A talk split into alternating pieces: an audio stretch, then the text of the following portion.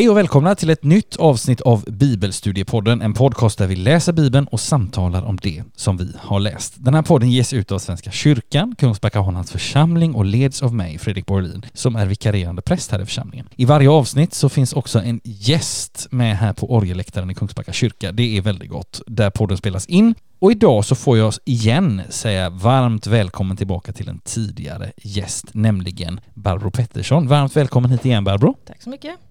Gott att se dig här. Mår du bra? Jag mår jättebra. Gott att höra. Det är roligt att vara här igen. Ja, väldigt roligt att ha dig här. Jag tänker så här, du har varit med i lite avsnitt innan, men jag tänker ibland brukar man ju säga att repetition är kunskapens moder, så jag tänkte därför att vi skulle repetera lite. Vem är du? Vill du bara säga något om det? Eh, ja, vem är jag? Jag är, jag är pensionär, Mm. eh, kyrkvärd här i Kungsbacka kyrka.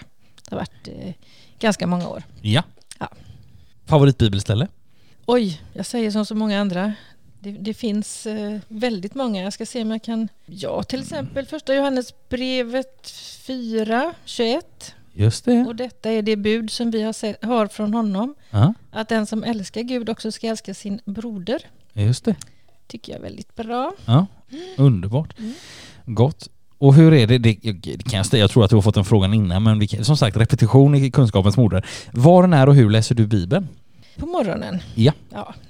Jag går upp, äter frukost och så försöker jag sätta mig en stund Ja. på ett speciellt ställe som jag har. Just det. Ja, men det här minns jag att vi pratade om, Mm. att ha ett speciellt ställe. Ja, Ja, vad gott att få en påminnelse om Men det. jag får breda ut mig där. Jag har lite olika biblar och lite mm, pennor och Ja. så här. Ja men härligt, det är gott det att ha en, en, alltså en tid för bibelläsning och en plats för bibelläsning. Det är väldigt gott att kunna ha det. Alltså. Det, Mm. det är en väldigt, väldigt bra början. Mm. Ja, du ska som sagt känna dig varmt välkommen tillbaka. Mm. Du var här när vi läste Markus 7 och när vi läste Johannes 11 och så idag när vi ska läsa Apostlagärningarna 16 och vad kan man säga om det? Ja, 7 plus 11 plus 16 är 34 och det är min ålder så att det är allt, allt samverkar till det bästa som det också står i Romarbrevet 8. är det väl? Tyvärr kan inte jag säga detsamma. Nej, men, vi, kanske kan räkna, vi kanske kan göra en annan uträkning senare här och få, fram något annat. Jag vet inte. Vi ska i alla fall kasta oss in i Apostlagärningarna 16 nu, eller alldeles strax. Men först så ska vi bara förbereda oss lite kort genom att säga några inledande ord och dessförinnan be. Så vi gör så kära vänner att vi bara ber inför vår läsning och vårt samtal idag. Jag knäpper mina händer, du som lyssnar varmt välkommen att göra det också. Låt oss be.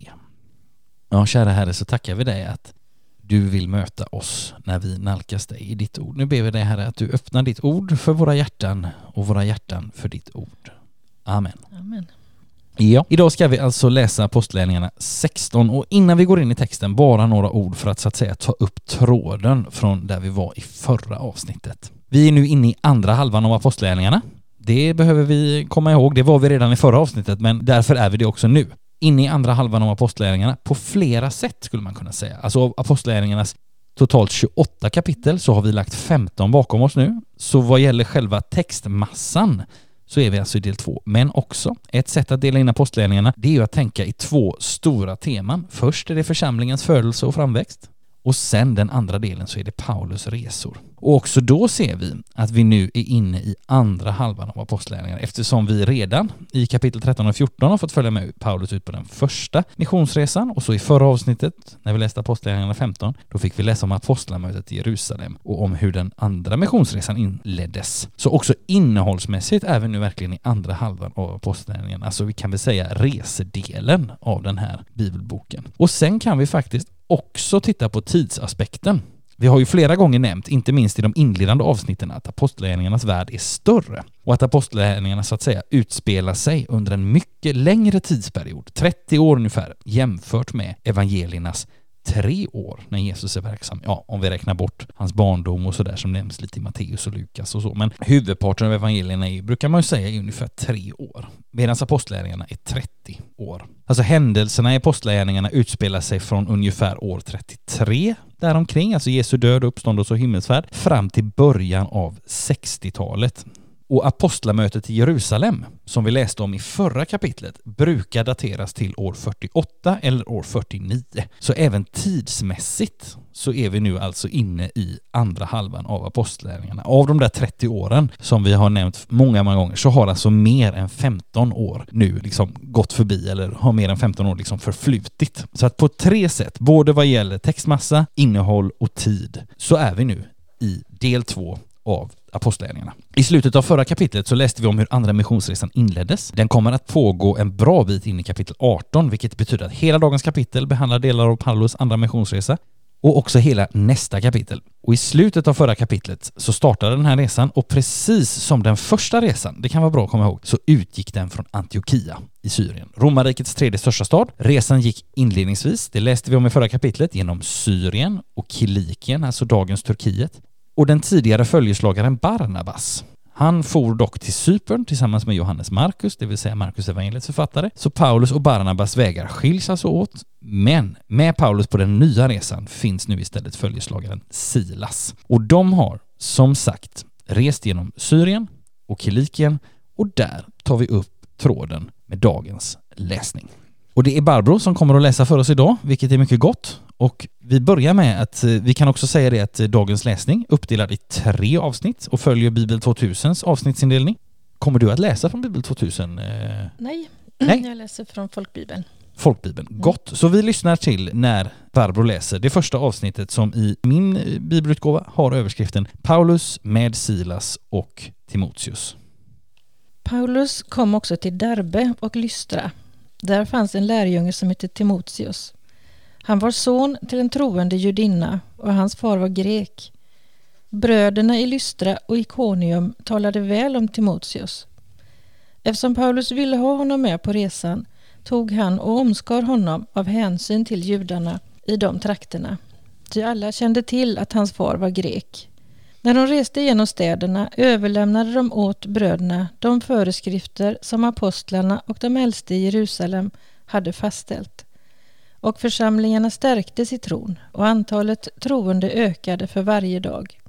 Sedan tog de vägen genom Frygien och Galatien eftersom de av den helige Ande hindrades från att predika ordet i Asien. Och när de nådde Mysien försökte de bege sig till Bitynien men det tillät inte Jesu ande. Då for de genom Mysien ner till Troas. På natten såg Paulus en syn. En man från Makedonien stod där och bad honom Kom över till Makedonien och hjälp oss. När han hade sett denna syn försökte vi genast ta oss till Makedonien eftersom vi förstod att Gud hade kallat oss att predika evangeliet för dem. Tack så mycket Barbro. Ja, så kommer alltså de här båda, Paulus och Silas, till Derbe och till Lystra, där Paulus också var under sin första missionsresa, och då, men då tillsammans med Barnabas. Och i Lystra så träffar de på Timoteus. Nu gör den här ganska centrala personen i, eller mycket centrala personen får vi säga, i den tidiga kyrkan entré. Timoteus som med rätta har kallats för Paulus främste medarbetare. Två brev i Nya Testamentet bär hans namn eftersom Paulus skrev dem till just Timoteus. Och att Paulus uppskattade Timoteus, det kan vi vara bra att känna till också. Det förstår vi av hur han till exempel skriver i sitt första brev till Timoteus i allra första två verserna i första Timoteusbrevet så står det så här. Från Paulus, Kristi Jesu apostel på uppdrag av Gud vår frälsare och Kristus Jesus, vårt hopp, till Timoteus, hans äkta barn i tron. Nåd, barmhärtighet och frid från Gud Fadern och Kristus Jesus vår Herre. Alltså här ligger, här ligger en väldig omsorg tänker jag i de här orden. Ett annat ord eh, där Paulus talar om Timoteus det är Filipperbrevet 2 där han skriver så här i verserna 19-22 står det så här. Herren Jesus, ge mig hopp om att snart kunna skicka Timoteus till er, så att jag kan få nyheter om er och vara vid gott mod även jag. Jag har ingen annan med samma förmåga att känna det rätta ansvaret för er. Alla tänker bara på sitt, ingen på Jesu Kristi sak, men ni vet vad han har gett prov på. Som en son hjälper sin far, så har han arbetat för evangeliet tillsammans med mig. Så en nära medarbetare till Paulus, ja den främste medarbetaren till Paulus kan vi med rätta kalla honom. Här i Apostlagärningarna så kommer Timoteus att dyka upp några gånger i de följande kapitlen. Så här i kapitel 16 eh, är han ju nu och sen också i 17 och 18 och 19 och 20. Vi får inte reda på så jättemycket om honom mer än att hans mamma var en kristen judinna medan fadern var grek, det vill säga han var en grekisktalande hedning. Men jag vill fråga dig Barbro, vad tänker du på när du eh, läser de här verserna? Ja, först undrar jag ju om eh, Petrus eller Lukas kände Timoteus innan, eller var det här de träffades första gången? Nu ska vi se här, om Paulus och Timoteus hade träffat innan. Jag tänker så här, att jag gissar att ja, de har träffat innan. Jag tror inte att vi får någon information om det just här, eller, eller någon annanstans. Men jag tänker så här, Paulus kommer tillbaka till Derbe och till Lystra, det fick vi ju höra dig läsa allra först här. Och där var han ju på sin första missionsresa. Och jag tänker att de har träffats på Paulus första resa. Det står ju så här i vers 2 om Timoteus, han hade gott namn om sig bland bröderna i Lystra och Ikonion. Denne Timoteus ville Paulus ha med sig på resan och med hänsyn till, ja precis. Alltså jag tänker att de, han känner, Paulus känner honom sedan innan. Så att han har varit med ett tag, han har gott anseende och det brukar ju ta ett litet tag innan en människa får det. Och, och det tänker jag, det är ju någonting gott. Och Paulus vill ha med sig honom så att han, han kan inte vara ett helt oprövat kort. Så jag tänker att nej, men de, de bör ha träffats när Paulus var där i Derbe och Lystra första gången. Mm. Vad var det mer jag tänkte på? Jo, det här är ju lite lustigt att eh, Jesu ande inte tillät dem. Ja, det är ju spännande. Ja, det undrar man ju. Ja. Varför? Ja men, det, ja, men det, det kan man säga någonting om tycker jag verkligen. Mm. För det, det är ju, alltså vi har konstaterat att apostlagärningarna är den heliga andes bok. Och det handlar mer om den heliga andes gärningar genom apostlarna än apostlarnas egna gärningar. Och vi har också talat om apostlagärningarna som en exempelbok när det kommer till den heliga ande. Men ett exempel på vad den heliga ande kan göra, som vi får här idag, att han hindrar apostlarna, det har vi inte fått innan. Nej. Så det kunde vi säga någonting om. Alltså det här är ju väldigt intressant. Och också i vers 7, det här nämns ju faktiskt två gånger. I vers 6 så står det eftersom den helige ande hindrade dem från att förkunna ordet i Asien. Och sen så i vers 7, när de hade nått Mysien ville de bege sig till Betynien. Men det tillät inte Jesu ande. Så två gånger så blir de hindrade på något sätt, eller förbjudna eller vad vi vill kalla det va. Och jag tänker så här att vi har hittills i apostlagärningarna mycket återkommande talat om som sagt, det här är den helige Andes bok. Fått se många exempel på hur den helige Ande verkar och framträder och manifesteras. Men just den här egenskapen att hindra har vi inte stött på innan om jag minns rätt. Men också detta att hindra, det är alltså uppenbarligen ett arbetssätt som den helige Ande använder sig av. Och också tänker jag kan göra idag. Det behöver vi bli påminda om. Och det påminns vi om när vi läser de här verserna. Jag tänker ibland så kan man prata med människor, man står inför ett beslut liksom och så tror jag, alltså man kan, eh, om man ber kanske över det och så försöker, tänker man att ja, det här beslutet går i den riktningen så får man inte riktigt frid över det. Mm. Alltså det kan också, jag tänker att det, det hör lite samman med detta här, att liksom um, anden, ja men också vill vägleda oss i, också inte bara genom att så att säga bekräfta ett, ett, ett rätt val utan också så att säga hindra eller Mm. liksom pocka på Mm, när, mm. när, vi är på, när vi är på fel väg så Mm, att säga. mm. Och det, det tänker jag, det, det är det som händer här. Att Mm. de får någon form av tilltal. Det, det, och det, är också, det här är också intressant, att det står bara att, att den heliga ande hindrar eller inte tillåter. Mm. Men, men vi får inte reda på hur visar det sig? Nej. Liksom är det i en dröm eller är det ett tilltal? Eller är det? Och på något sätt så tänker jag att det i sin tur avslöjar ju att det här var något ganska naturligt. Mm. Alltså det var ingen, det var liksom eftersom att Lukas, han berättar inte mer om exakt hur det här hindrandet går till. Så får vi tänka att det var nog inget sånt där wow-manifestation utan det var något ganska vardagligt och så, så tänker jag mig. Men, men att det var ändå någonting som Paulus och, och gänget var öppna för. Mm. Liksom. Men vi- eftersom vi inte får en, en mer ingående beskrivning så, så tänker jag att ja, men det, här var något, det här var ett naturligt sätt för anden att, att finnas med också i det här. Att, Mm. att också så att säga stängsla in lite vägen framåt ibland när det behövdes. Mm. Mm. Och inte varför får man inte veta heller.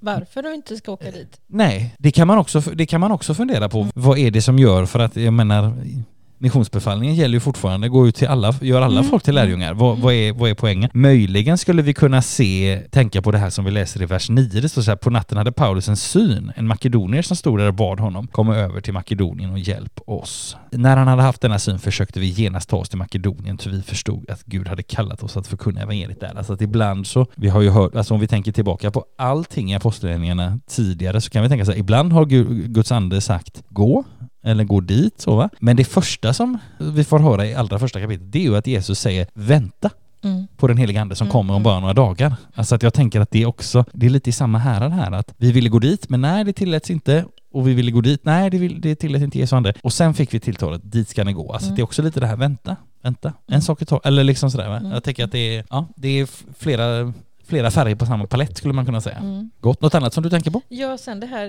vers 10 då, att det, nu står det vi genast. Ja. Då undrar jag, var Lukas redan i Troas då? Eller hur dök han upp? Ja, alltså det där är intressant för nu går ju faktiskt Lukas över till att berätta i, vad ska vi säga, första person pluralis, alltså i vi-form istället för då d-form och ja, nu är han alltså med i resesällskapet och han kommer att dyka upp igen och det här är lite detektivarbete Mm. eh, för att ibland så, jaha, där kom han och sen så är det helt plötsligt vi igen och sådär så att Mm. det där är intressant och man får väl anta att han var, eftersom vi läser i vi-form i vers 10 så får vi tänka att nej men det var där han slöt upp. De gick genom Mysien och kom ner till Troas. Där hade Paulus en syn och sen så säger han, ty vi förstod att Gud hade kallat eh, oss att förkunna evangeliet där. Ja, jag tänker att då är han i Troas som möter upp. Det är nog det enda rimliga att tänka sig tror jag. Mm. Gott. Ja, det finns mycket intressant att stanna upp vid även i de här mycket korta texterna. Så jag tänker på en, en sak som man skulle kunna säga någonting om. Dels, vi, vi har redan nämnt Trovas då. Vi får ju en hel del geografiska anvisningar i, den här, i det här avsnittet. Alltså, vi läser om sällskapet att de tar vägen genom Frygien och Galatien och så kommer de till Mysien, det vill säga Mysien kan man säga nordvästra hörnet av dagens Turkiet, nordvästra hörnet. Och så står det att de vill bege sig till Betynien, alltså det är rätt österut åt eh, Ehm, alltså Turkiets nordkust kan vi säga, men det får de inte för Jesu ande, så istället ber de sig till Troas, också det är det nordvästra hörnet av dagens Turkiet. Och sen får de vägledning att bege sig till Makedonien, det ska vi få höra om i, i nästa avsnitt, alltså norr om dagens Grekland, rakt norr om Egeiska havet. Alltså det som också idag heter Makedonien om jag har min geografi rätt för mig. Så att de är alltså uppe i det här området, alltså de har varit i Derbe och Lystra, där var de också på första, på första missionsresan. Nu ska de över till Makedonien, där var de inte på första missionsresan, så att nu, nu blir liksom utvecklas ju, vad ska vi säga, nu märker vi att oj, nu blir det ännu större ringar på vattnet här. Liksom budskapet sprider sig över ännu större områden. En sista sak som man skulle kunna säga, det är följande, alltså vi får höra om i vers 3 att Barbro läste ungefär så här, i Bibel 2000 så står det så här, av hänsyn till judarna i trakten tog han och omskar honom, det vill säga Paulus omskar Timoteus. Och det här med omskärelse eller inte omskärelse av de som kom till tro på Jesus men inte var judar utan hedningar, det har vi haft uppe innan. Det här var uppe till diskussion i förra kapitlet när vi läste om apostlamötet i Jerusalem och i närtid, innan eller efter det mötet i närtid, så skrev ju Paulus också Galaterbrevet som är hans tydliga inlägg i debatten mot omskärelsen. I Galaterbrevet så framgår det tydligt, han är emot omskärelse för de som kommer till tro på, på Kristus. Men av det som vi läser här, alltså att Paulus ändå låter omskära Timoteus, förstår vi att frågan inte är löst och att Paulus uppfattning inte är allas uppfattning. Sen är frågan hur vi ser på det här. Levde han inte som han lärde Paulus? Är Galaterbrevet skrivet när det här sker, att, att Paulus omskär Timoteus, eller är det ännu inte skrivet? Och man kan också tänka så här, när kan ens hänsyn sätta ens uppfattningar ur spel? Det här stället gör inte bilden klarare när det kommer till detta med diskussionen om omskärelse, men kanske får vi en pusselbit i Paulus person här, alltså att han argumenterar väldigt starkt emot omskärelse, men här låter han ändå omskära. Alltså, ja, det är ju också det här att man man kan, ha en, man kan ha en allmän uppfattning om saker och ting, men det betyder inte att den allmänna uppfattningen kanske alltid är möjlig att genomföra. Men det är lite intressant med tanke på att det har varit en ganska häftig diskussion i förra kapitlet och så har vi Galaterbrevet också och sen så okej, okay, Paulus omskär ändå Timoteus. Mm. Men det är, inte, helt lätt att, att, få ihop detta men, men vi läser ändå att han omskär honom och det får vi liksom utgå ifrån. Och så. så att det här frågan är inte på något sätt avgjord. Det förstår vi när vi läser detta. Gott. Jag tänker att vi ska röra oss vidare till nästa avsnitt. Mm. Också det ett ganska kort avsnitt, fyra, fem versar, som i min översättning har överskriften till Filippi och Makedonien. Varsågod och läs Barbro. Vi lade ut från Troas och seglade rakt över till Samotrake och nästa dag till Neapolis och därifrån till Filippi som är den ledande staden i denna del av Makedonien och en romersk koloni. I den stannade vi några dagar. På sabbaten tog vi vägen ut genom stadsporten och gick längs en flod där vi antog att det fanns ett böneställe. Vi satte oss ner och började tala till de kvinnor som hade kommit dit. En av dem som lyssnade hette Lydia. Hon handlade med purpurtyger och var från staden Tyatira och hon hörde till dem som fruktade Gud. Och Herren öppnade hennes hjärta så att hon tog till sig det som Paulus predikade. När hon och alla i hennes familj hade blivit döpta bad hon Kom hem till mig och bo där om ni anser att jag tror på Herren. Och hon övertalade oss. Tack så mycket Barbro. Ja, och nu har vi alltså kommit till Makedonien. Resan fortsätter från Troas, alltså dagens Turkiet, rakt över till Samotrake som är en ö i nordligaste delen av Egeiska havet och därefter till Neapolis och sedan Filippi. Alltså båda de orterna ligger alltså i Makedonien, alltså rätt norr om Egeiska havet. Filippi, staden Filippi, får vi lite information om i texten, och, men här har faktiskt, intressant nog, Bibel 2000 och Folkbibeln 2015 lite olika översättningar. Vad var det det stod i din bibel? För du läser Folkbibeln 2015, eller läser du Folkbibeln 98? Barbro? 98. 98. Vad står det där? Vilken vers pratar du om nu? Då ska vi se, nummer 12. Och därifrån till Filippi, som är den ledande staden i denna del av Makedonien och en romersk koloni. Ja, och i Folkbibeln 2015 står det nästan likadant. Filippi, som är den största staden i den delen av Makedonien och en romersk koloni. Men i Bibel 2000 läser vi Filippi, en stad som ligger i första makedoniska distriktet och är en romersk koloni. Alltså lite olika översättningar. Mm. Och hur, hur, kan vi förklara det? Jo, antingen, det är ju det här ordet som, som kan betyda både första och största och ledande på svenska, alltså det grekiska ordet. Syftar det på distriktet eller syftar det på staden. Och där är ju Bibel 2000 och Folkbibeln inte har de tolkat lite olika när de översätter, eller bundit det kan vi säga adjektivet till olika substantiv, alltså distriktet eller staden. Vad kan vi då säga om detta? Ja, alltså det här är en romersk koloni, det vill säga det är ett område som fått särskilda privilegier som boplats för romare. Filippi var en militärkoloni där många romerska soldater och officerare hade slagit sig ner efter avslutad militärtjänst. Vilket kan förklara den hårda behandling som Paulus och Silas fick lite senare. En kristen församling uppstår också här under apostlärningarnas tid här i Filippi och den här församlingen får ju bland annat ett brev från Paulus skickat till sig, det vill säga såklart Filipperbrevet som vi har i vårt nya testamentet. Det kan vi säga om Filippi. Vad tänker du på i de här verserna, Barbro? Mm, jag Först så tänker jag på det i, som det står i vers 13. Ja. Böneställe. Ja. Vad det är för någonting. Och sen lite längre ner då att vi satte oss ner och började tala till de kvinnor som hade kommit dit.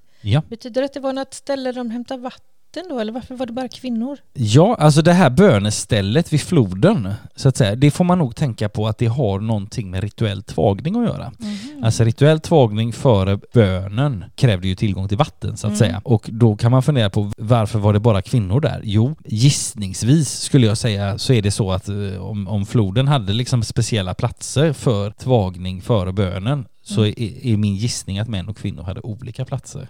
Men var det inte konstigt floden. att de gick dit då? Det var det i och för sig. Det, jo, det, det får man ju i så fall tillstå. Man kan också fundera på, vi får ju faktiskt ingen information i texten, mig veteligen, vi ska titta här i vers 13. Vi får ju, precis, vi får ju anta att det här inte så att säga, den här rituella tvagningen, det är ju liksom inget hedniskt bruk, utan det är ett judiskt mm, bruk. Mm. Och hur kan vi veta det? Jo, dels för att det skedde på sabbaten, och då kan vi tänka att ja, men det, det är ju en, liksom en ledtråd till att det här har med den judiska tron att göra. Men också så står det ju om Lydia att hon var gudfruktig. Mm. Det läser vi i vers 14. Eh, hon hörde till de gudfruktiga. Och de gick dit, eller så var det bara kvinnor där, eller så var det just till kvinnorna de talade. Mm. Men mer än så kan jag, kan jag nog inte säga på rak arm faktiskt. Och då kan man fråga, varför, varför var det bara kvinnor?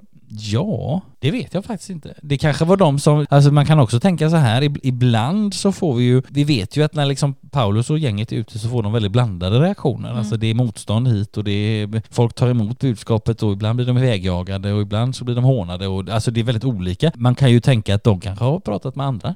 Mm, men, mm. men det var just de här kvinnorna som var intresserade av det som de hade att, att säga, så att mm, säga. Mm. Och när, sen så beskriver ju faktiskt Lukas det hela så här. När hon nu lyssnade öppnade Herren hennes hjärta så att hon tog till sig det som Paulus sade. Alltså jag tänker att där finns det ju liksom någon slags, vad Lukas beskriver, någon slags dubbel händelse här, det vill säga att det är Herren som öppnar hennes hjärta. Mm. Alltså det är, det är liksom en nådeshandling att hon kommer till tro. Men samtidigt så står det så här att han gjorde det när hon lyssnade. Alltså mm. det vill mm. säga att här finns ju någon, och, och, kanske kan vi ana här att här vid det här stället så fanns det också en och annan människa som, som inte lyssnade så att säga. Mm. Mm. Men, men det var när Lydia lyssnade som Herren mm. öppnade hennes hjärta. Mm. Så att det finns... Men det att han öppnade hennes hjärta betyder att hon kom till tro på Kristus då? Ja, det får vi tänka oss. Hon var ju redan gudfruktig. Ja, precis. Alltså ja. hon hade redan omfamnat, det vill säga hon var inte judinna av födseln. Det, det, förstår vi av, av, av begreppet gudfruktig. Men hon hade liksom tagit, hon hade kommit till tro på Israels gud liksom. Mm, mm. Och också liksom gått, gått in i, i det judiska livet som också innebar bön och också ibland då rituell tvagning. Och därför har hon bet sig ner till floden.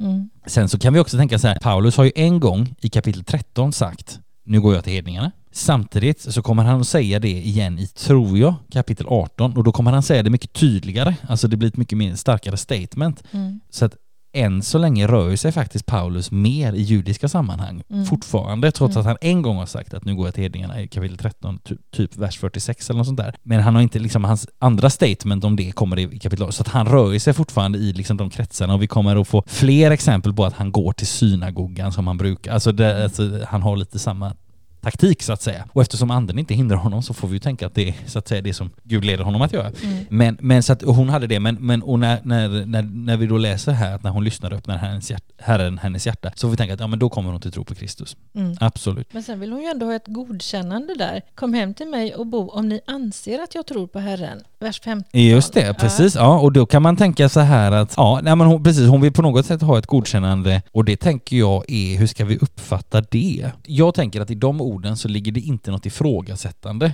utan jag tänker mer att om vi nu har liksom full gemenskap i Kristus så snälla kom och bo hos mig. Och sen Mm. så står det till och med, vad, vad det stod det allra sist i Folkbibeln 98? Och hon övertalade oss. Ja, och i, folk, i Bibel 2000 står det och hon gav sig inte.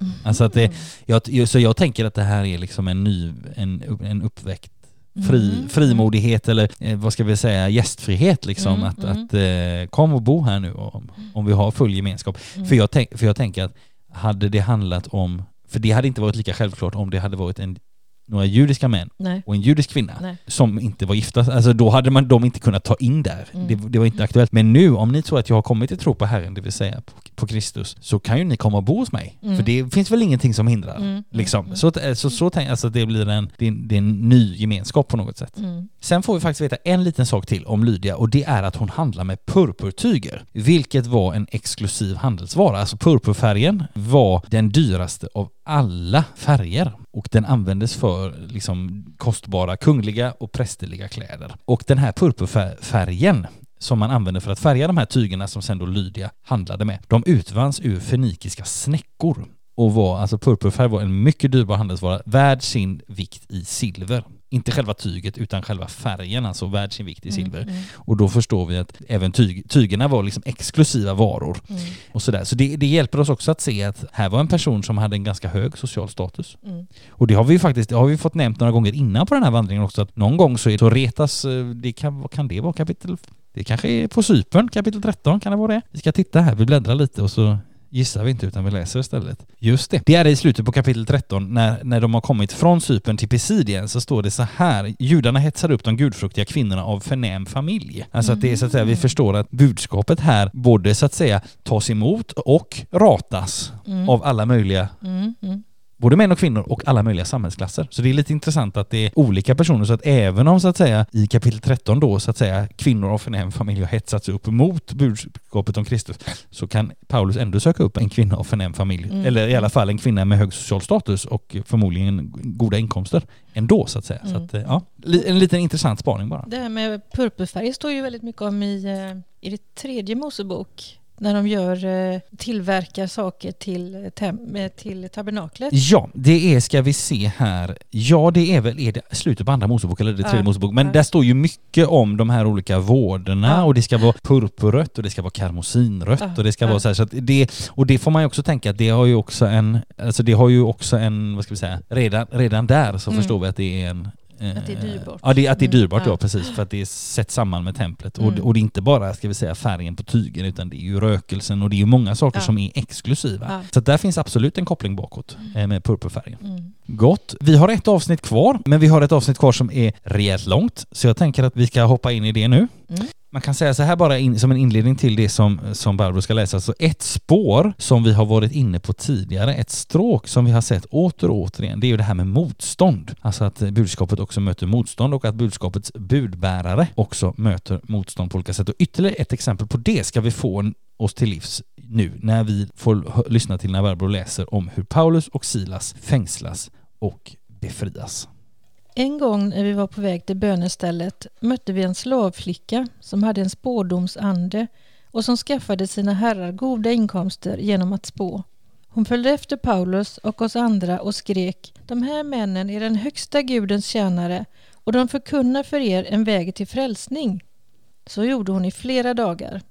Men Paulus blev upprörd och vände sig om och sa till anden Jag befaller dig i Jesu Kristi namn att fara ut ur henne. Och i samma ögonblick for den ut. När hennes herrar såg att allt hopp om inkomster var ute för dem grep de Paulus och Silas och släpade dem till torget inför stadens myndigheter. De förde fram dem till stadens domare och sa De här männen stör ordningen i vår stad. De är judar och förkunnar seder som det inte är tillåtet för oss romerska medborgare att anta eller följa. Folket gick också till angrepp mot dem och domarna slet av dem kläderna och befallde att de skulle piskas. De fick många rapp och kastades i fängelse och fångvaktaren fick befallning att noga bevaka dem. När han hade fått en sådan befallning satte han dem i det innersta fängelserummet och spände fast deras fötter i stocken. Vid midnatt var Paulus och Silas i bön och sjöng lovsånger till Gud och de andra fångarna lyssnade på dem. Plötsligt kom ett kraftigt jordskalv så att fängelset skakades i sina grundvalar.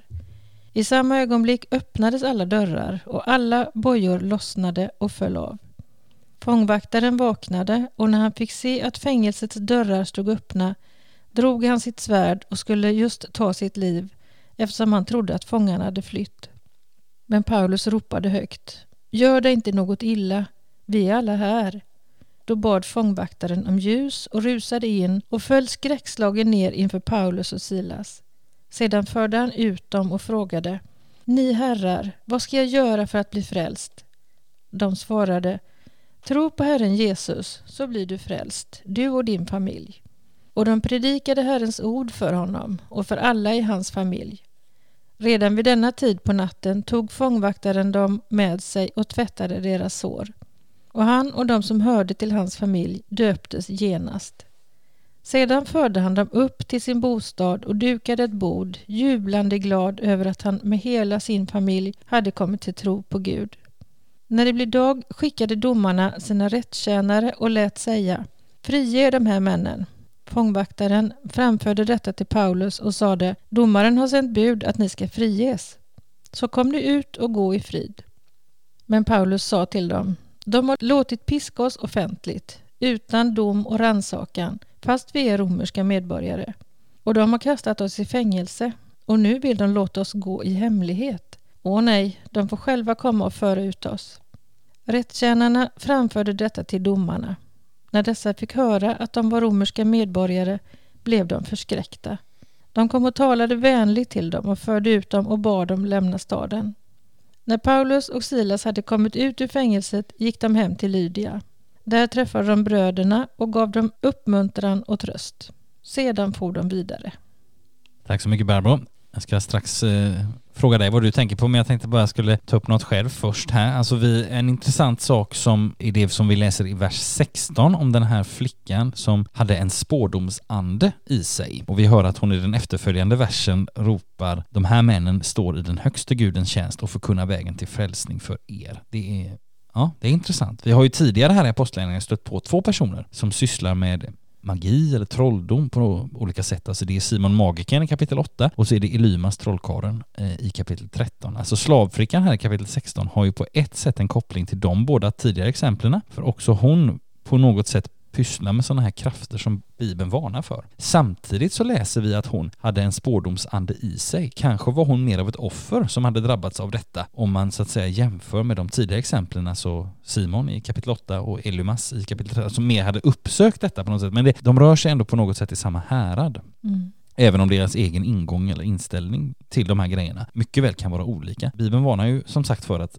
pyssla med den här typen av krafter. Men i den här versen så finns det samtidigt en påminnelse till oss i den här händelsen. Alltså den andliga världen vet vem Jesus är och namnet Jesus spelar roll och har makt i den andliga världen. Det behöver vi komma ihåg. Eller annorlunda uttryckt, Jesus är Herre också i den andliga världen. För länge sedan här i podden. När vi var i början på vår Markusvandring och det var ju det var in, till och med innan du Barbro hade varit med i mm. ett enda avsnitt. Mm. Så, så läste vi så här i Markus 3, vers 11. Står det så här, och när de orena andarna såg honom föll de ner för honom och ropade du är Guds son, men han förbjöd dem strängt att avslöja vem han var. Alltså Jesus är känd här. Och vi kommer få ytterligare något exempel på den här typen av verksamhet och att Jesus är känd. Men det får vänta till eh, kapitel 19. Så att på något sätt så visar, visar det här sig att den här, den här andemakten som, som på något sätt påverkar eller kontrollerar den här flickan, även om det knappast, får vi tänka oss, ligger i deras intresse att människor kommer till tro, så kan de liksom inte annat än att de, de måste liksom underkasta sig Jesus för han är herre också i den andliga världen. Så att, eh, det kan vi med fördel ta till oss.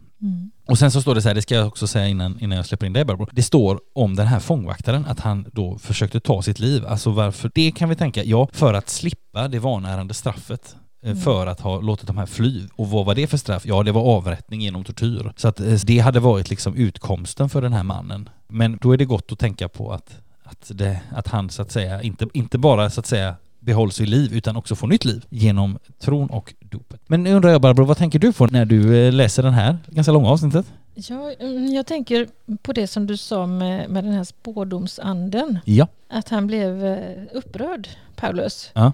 Att man kan bli upprörd över att, att någon tjänade pengar på, på flickan, att hon Ja. hade anden. Men anden talade ju sanning. Ja. Det han sa var ju bra. Mm. Ja, i just det här fallet så, så tänker jag att det, det är ju helt riktigt. Men man får tänka, utan jag tänker att det står Paulus förlorade tålamodet, står det vid 2000. Mm. Eh, hon har hållit på i flera dagar. Mm. Att det var det som gjorde att Ehm. han blev upprörd kanske då, eller? Att det var, blev tjatigt. Ja, ja men, ja, men det, så, så tolkar ju, eller så uppfattar jag det utifrån Bibel 2000, att han Ja. förlorar tålamodet Ja, helt enkelt. ja. Och det kan ju vara skönt att få en påminnelse om att han också är en mänsklig person. Och vi kan ju tänka oss själva om någon hade gått efter oss och ropat i flera Mm, dagar. mm, alltså, mm, mm. Även, en, även en stillsam person kanske orkar några timmar, men, Mm. men jag hade inte orkat några dagar kan jag Nej, säga. nej. Det, det, frågan, är, frågan är ens en halvtimme. Men, men sen så tänker jag att det också, det också handlar om att, att så att säga, jag tänker att den här biten att de tjänar pengar på henne, men, men också detta att så att säga Gamla testamentet som ju är Paulus också hemmagata så Mm, att säga, mm. skrifterna där, alltså också tar upp detta att man ska inte så att säga skåda i framtiden. Mm. Det är Bibeln ganska tydlig med liksom. Och att det är säkert en beståndsdel i varför han förlorar tålamodet. Det är inte bara jobbigt utan det är Mm. faktiskt också felaktigt Mm. utifrån hans sätt att se det liksom. Mm. Sen det faktum att hon ändå liksom förkunnar, liksom på något sätt genom andarna eller andarna genom henne för, förkunnar detta. Det, det, är, det är ju så att säga en positiv sida av det Mm. hela. Men Men man kan ju undra varför andarna gör det. jag tänker att det är för att de måste. Det vill säga, Mhm. det vill säga de, är, de har en fullständig kunskap om vem Alltså det, det, Mm. om vi tänker på Markus 3 där, alltså de Mm. visste vem han var. Mm. Inte, och inte bara de kände till någon som hette Jesus, utan de Mm. vet precis att Mm, han är Guds mm, son. mm, Liksom. mm. Det kan vi tänka på om man tänker Markus evangeliet i stort, så är det liksom vilka, vilka talar om att han är Guds son? Ja, det är Markus själv allra först och sen Mm. är det den romerske soldaten när Jesus dör, han måste ha varit Guds son. Och sen är det också de här andarna Mm. i, kan det vara kapitel 5 eller något sånt där, Mm. som far in i svinen. De säger ju också det, har du kommit hit för att plåga oss? Du den Mm. högste gudens son. Mm. Alltså att de måste, de måste underkasta sig. Mm. Eh, De har liksom inget val. Va? Mm. Ja, men jag, jag Ehm, tänker bara liksom att, att om man förutsätter att det är onda andar, Ja. att, att de är liksom utsända av den onde, Ja. så har han ju ingenting att vinna på att säga att det här är vägen till frälsning, utan tvärtom.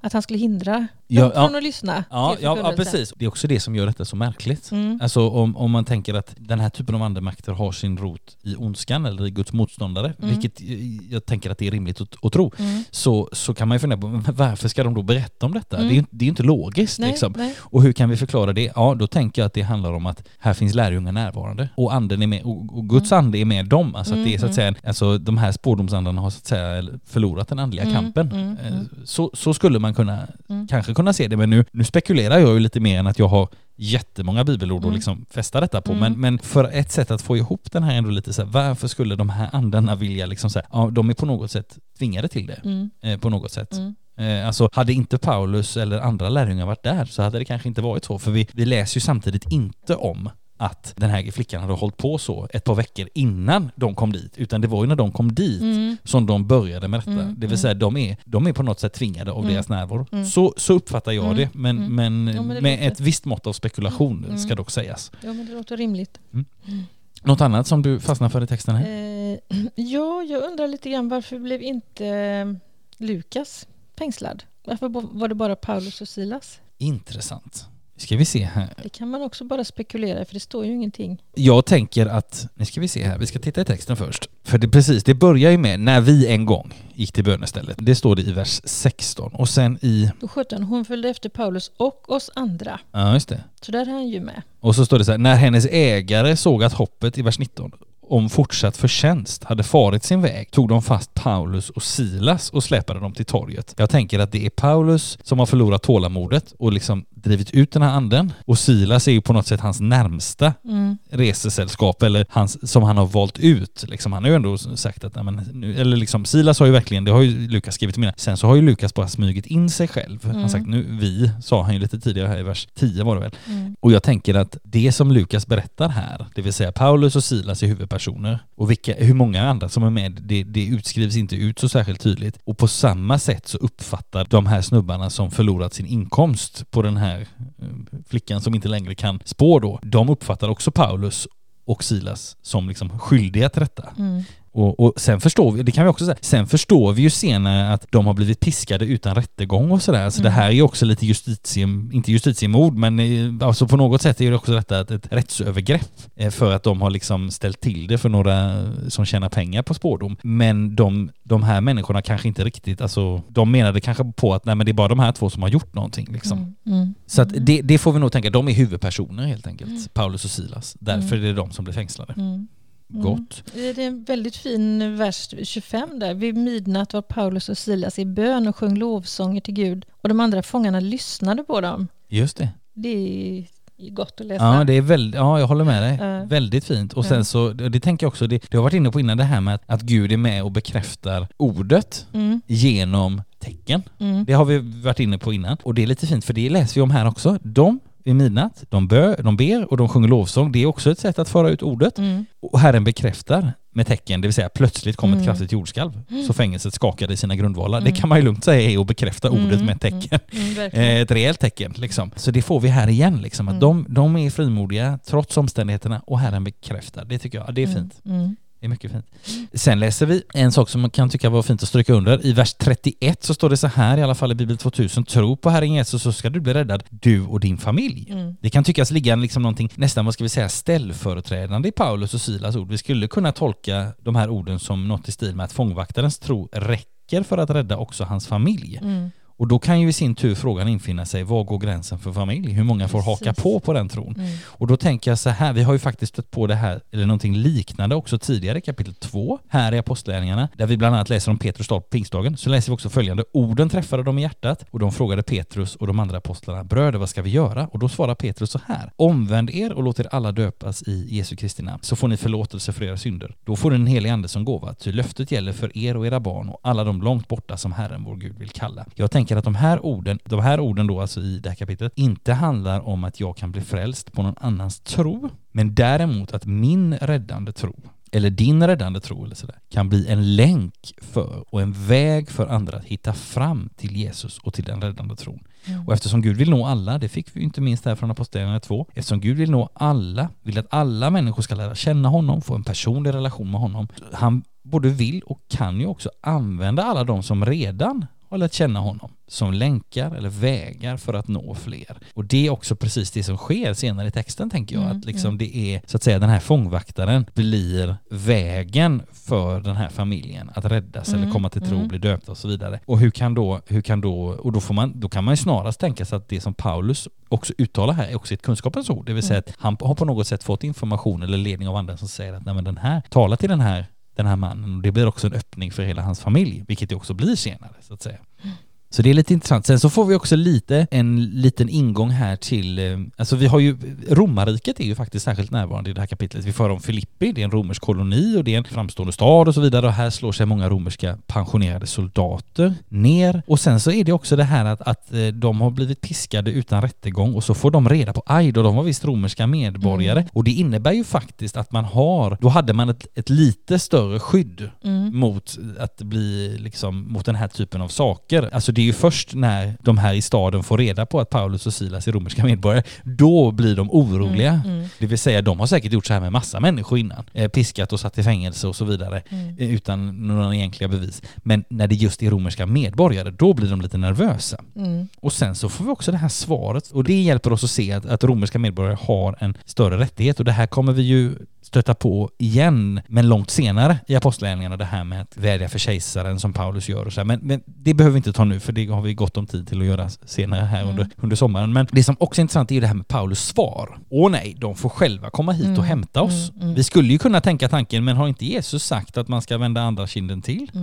Vi kan ju tänka på de välkända orden i Matteus 5. Ni har hört att det blev sagt, öga för öga och tand för tand, men jag säger er, värj er inte mot det onda. Nej, om någon slår dig på högra kinden så vänd också den andra mot honom. Om någon vill processa med dig för att få din skjorta, så ge honom din mantel också. Om någon vill tvinga dig att följa med honom en mil i hans tjänst, så gå två mil med honom. Ge åt den som ber dig och vänd inte ryggen åt den som vill låna av dig. Alltså att nöja sig med en oförrätt, att inte hävda sin rätt. inte mm. det vad Jesus vill när han säger de här välkända orden? Mm. Jo, det tänker jag att det absolut är. Samtidigt som vi behöver tänka på dels att Paulus var en människa med fel och brister och mm. temperament som mm. du och jag. Alltså han tröttnar ju på den här spårdomstjejen mm. till exempel. Mm. Eh, vilket jag i alla fall garanterat hade gjort på betydligt kortare tid. Men vi behöver heller inte tänka att vad Paulus här gör först och främst är att värja sig mot det onda som han själv har utsatts för. För vi kan också tänka på detta som att han motsätter sig detta för att andra inte ska råka ut för samma sak. Alltså att han så att säga avvärjer det onda från någon annan som kan drabbas. Mm. Det kan vara ett sätt att förklara det här eller tala om det här om man nu skulle finna det nödvändigt att göra det så att säga. Men, mm. men att, att det, det, kan också handla om att alltså, Jesus säger vänd, om någon slår dig på din högra sida eller på din högra kind så vänd den också den andra åt honom. Mm. Men däremot så står det inte att om du ser någon slå någon annan Nej på ena kinden så går då fram och vrider den personens huvud. Nej. Så, nej. utan ett sätt att tala om detta, dels att Paulus är en människa, alltså mm. som, som vi alla, och det, ibland har vi en ryggmärgsreflex som inte vägleds av Guds ande. Men också detta att kunna säga att de har ju med största sannolikhet, de här ledarna i staden, gjort så här många, många gånger förr. Mm. Och eh, att ge dem en näsbränna, så att säga, skulle också kunna leda till att andra människor inte råkar ut för detta väldigt orättfärdiga. Men visst är det så, vi kan mycket väl ändå tänka att det som Paulus svarar här, åh nej, de får själva komma hit och hämta oss, att det samtidigt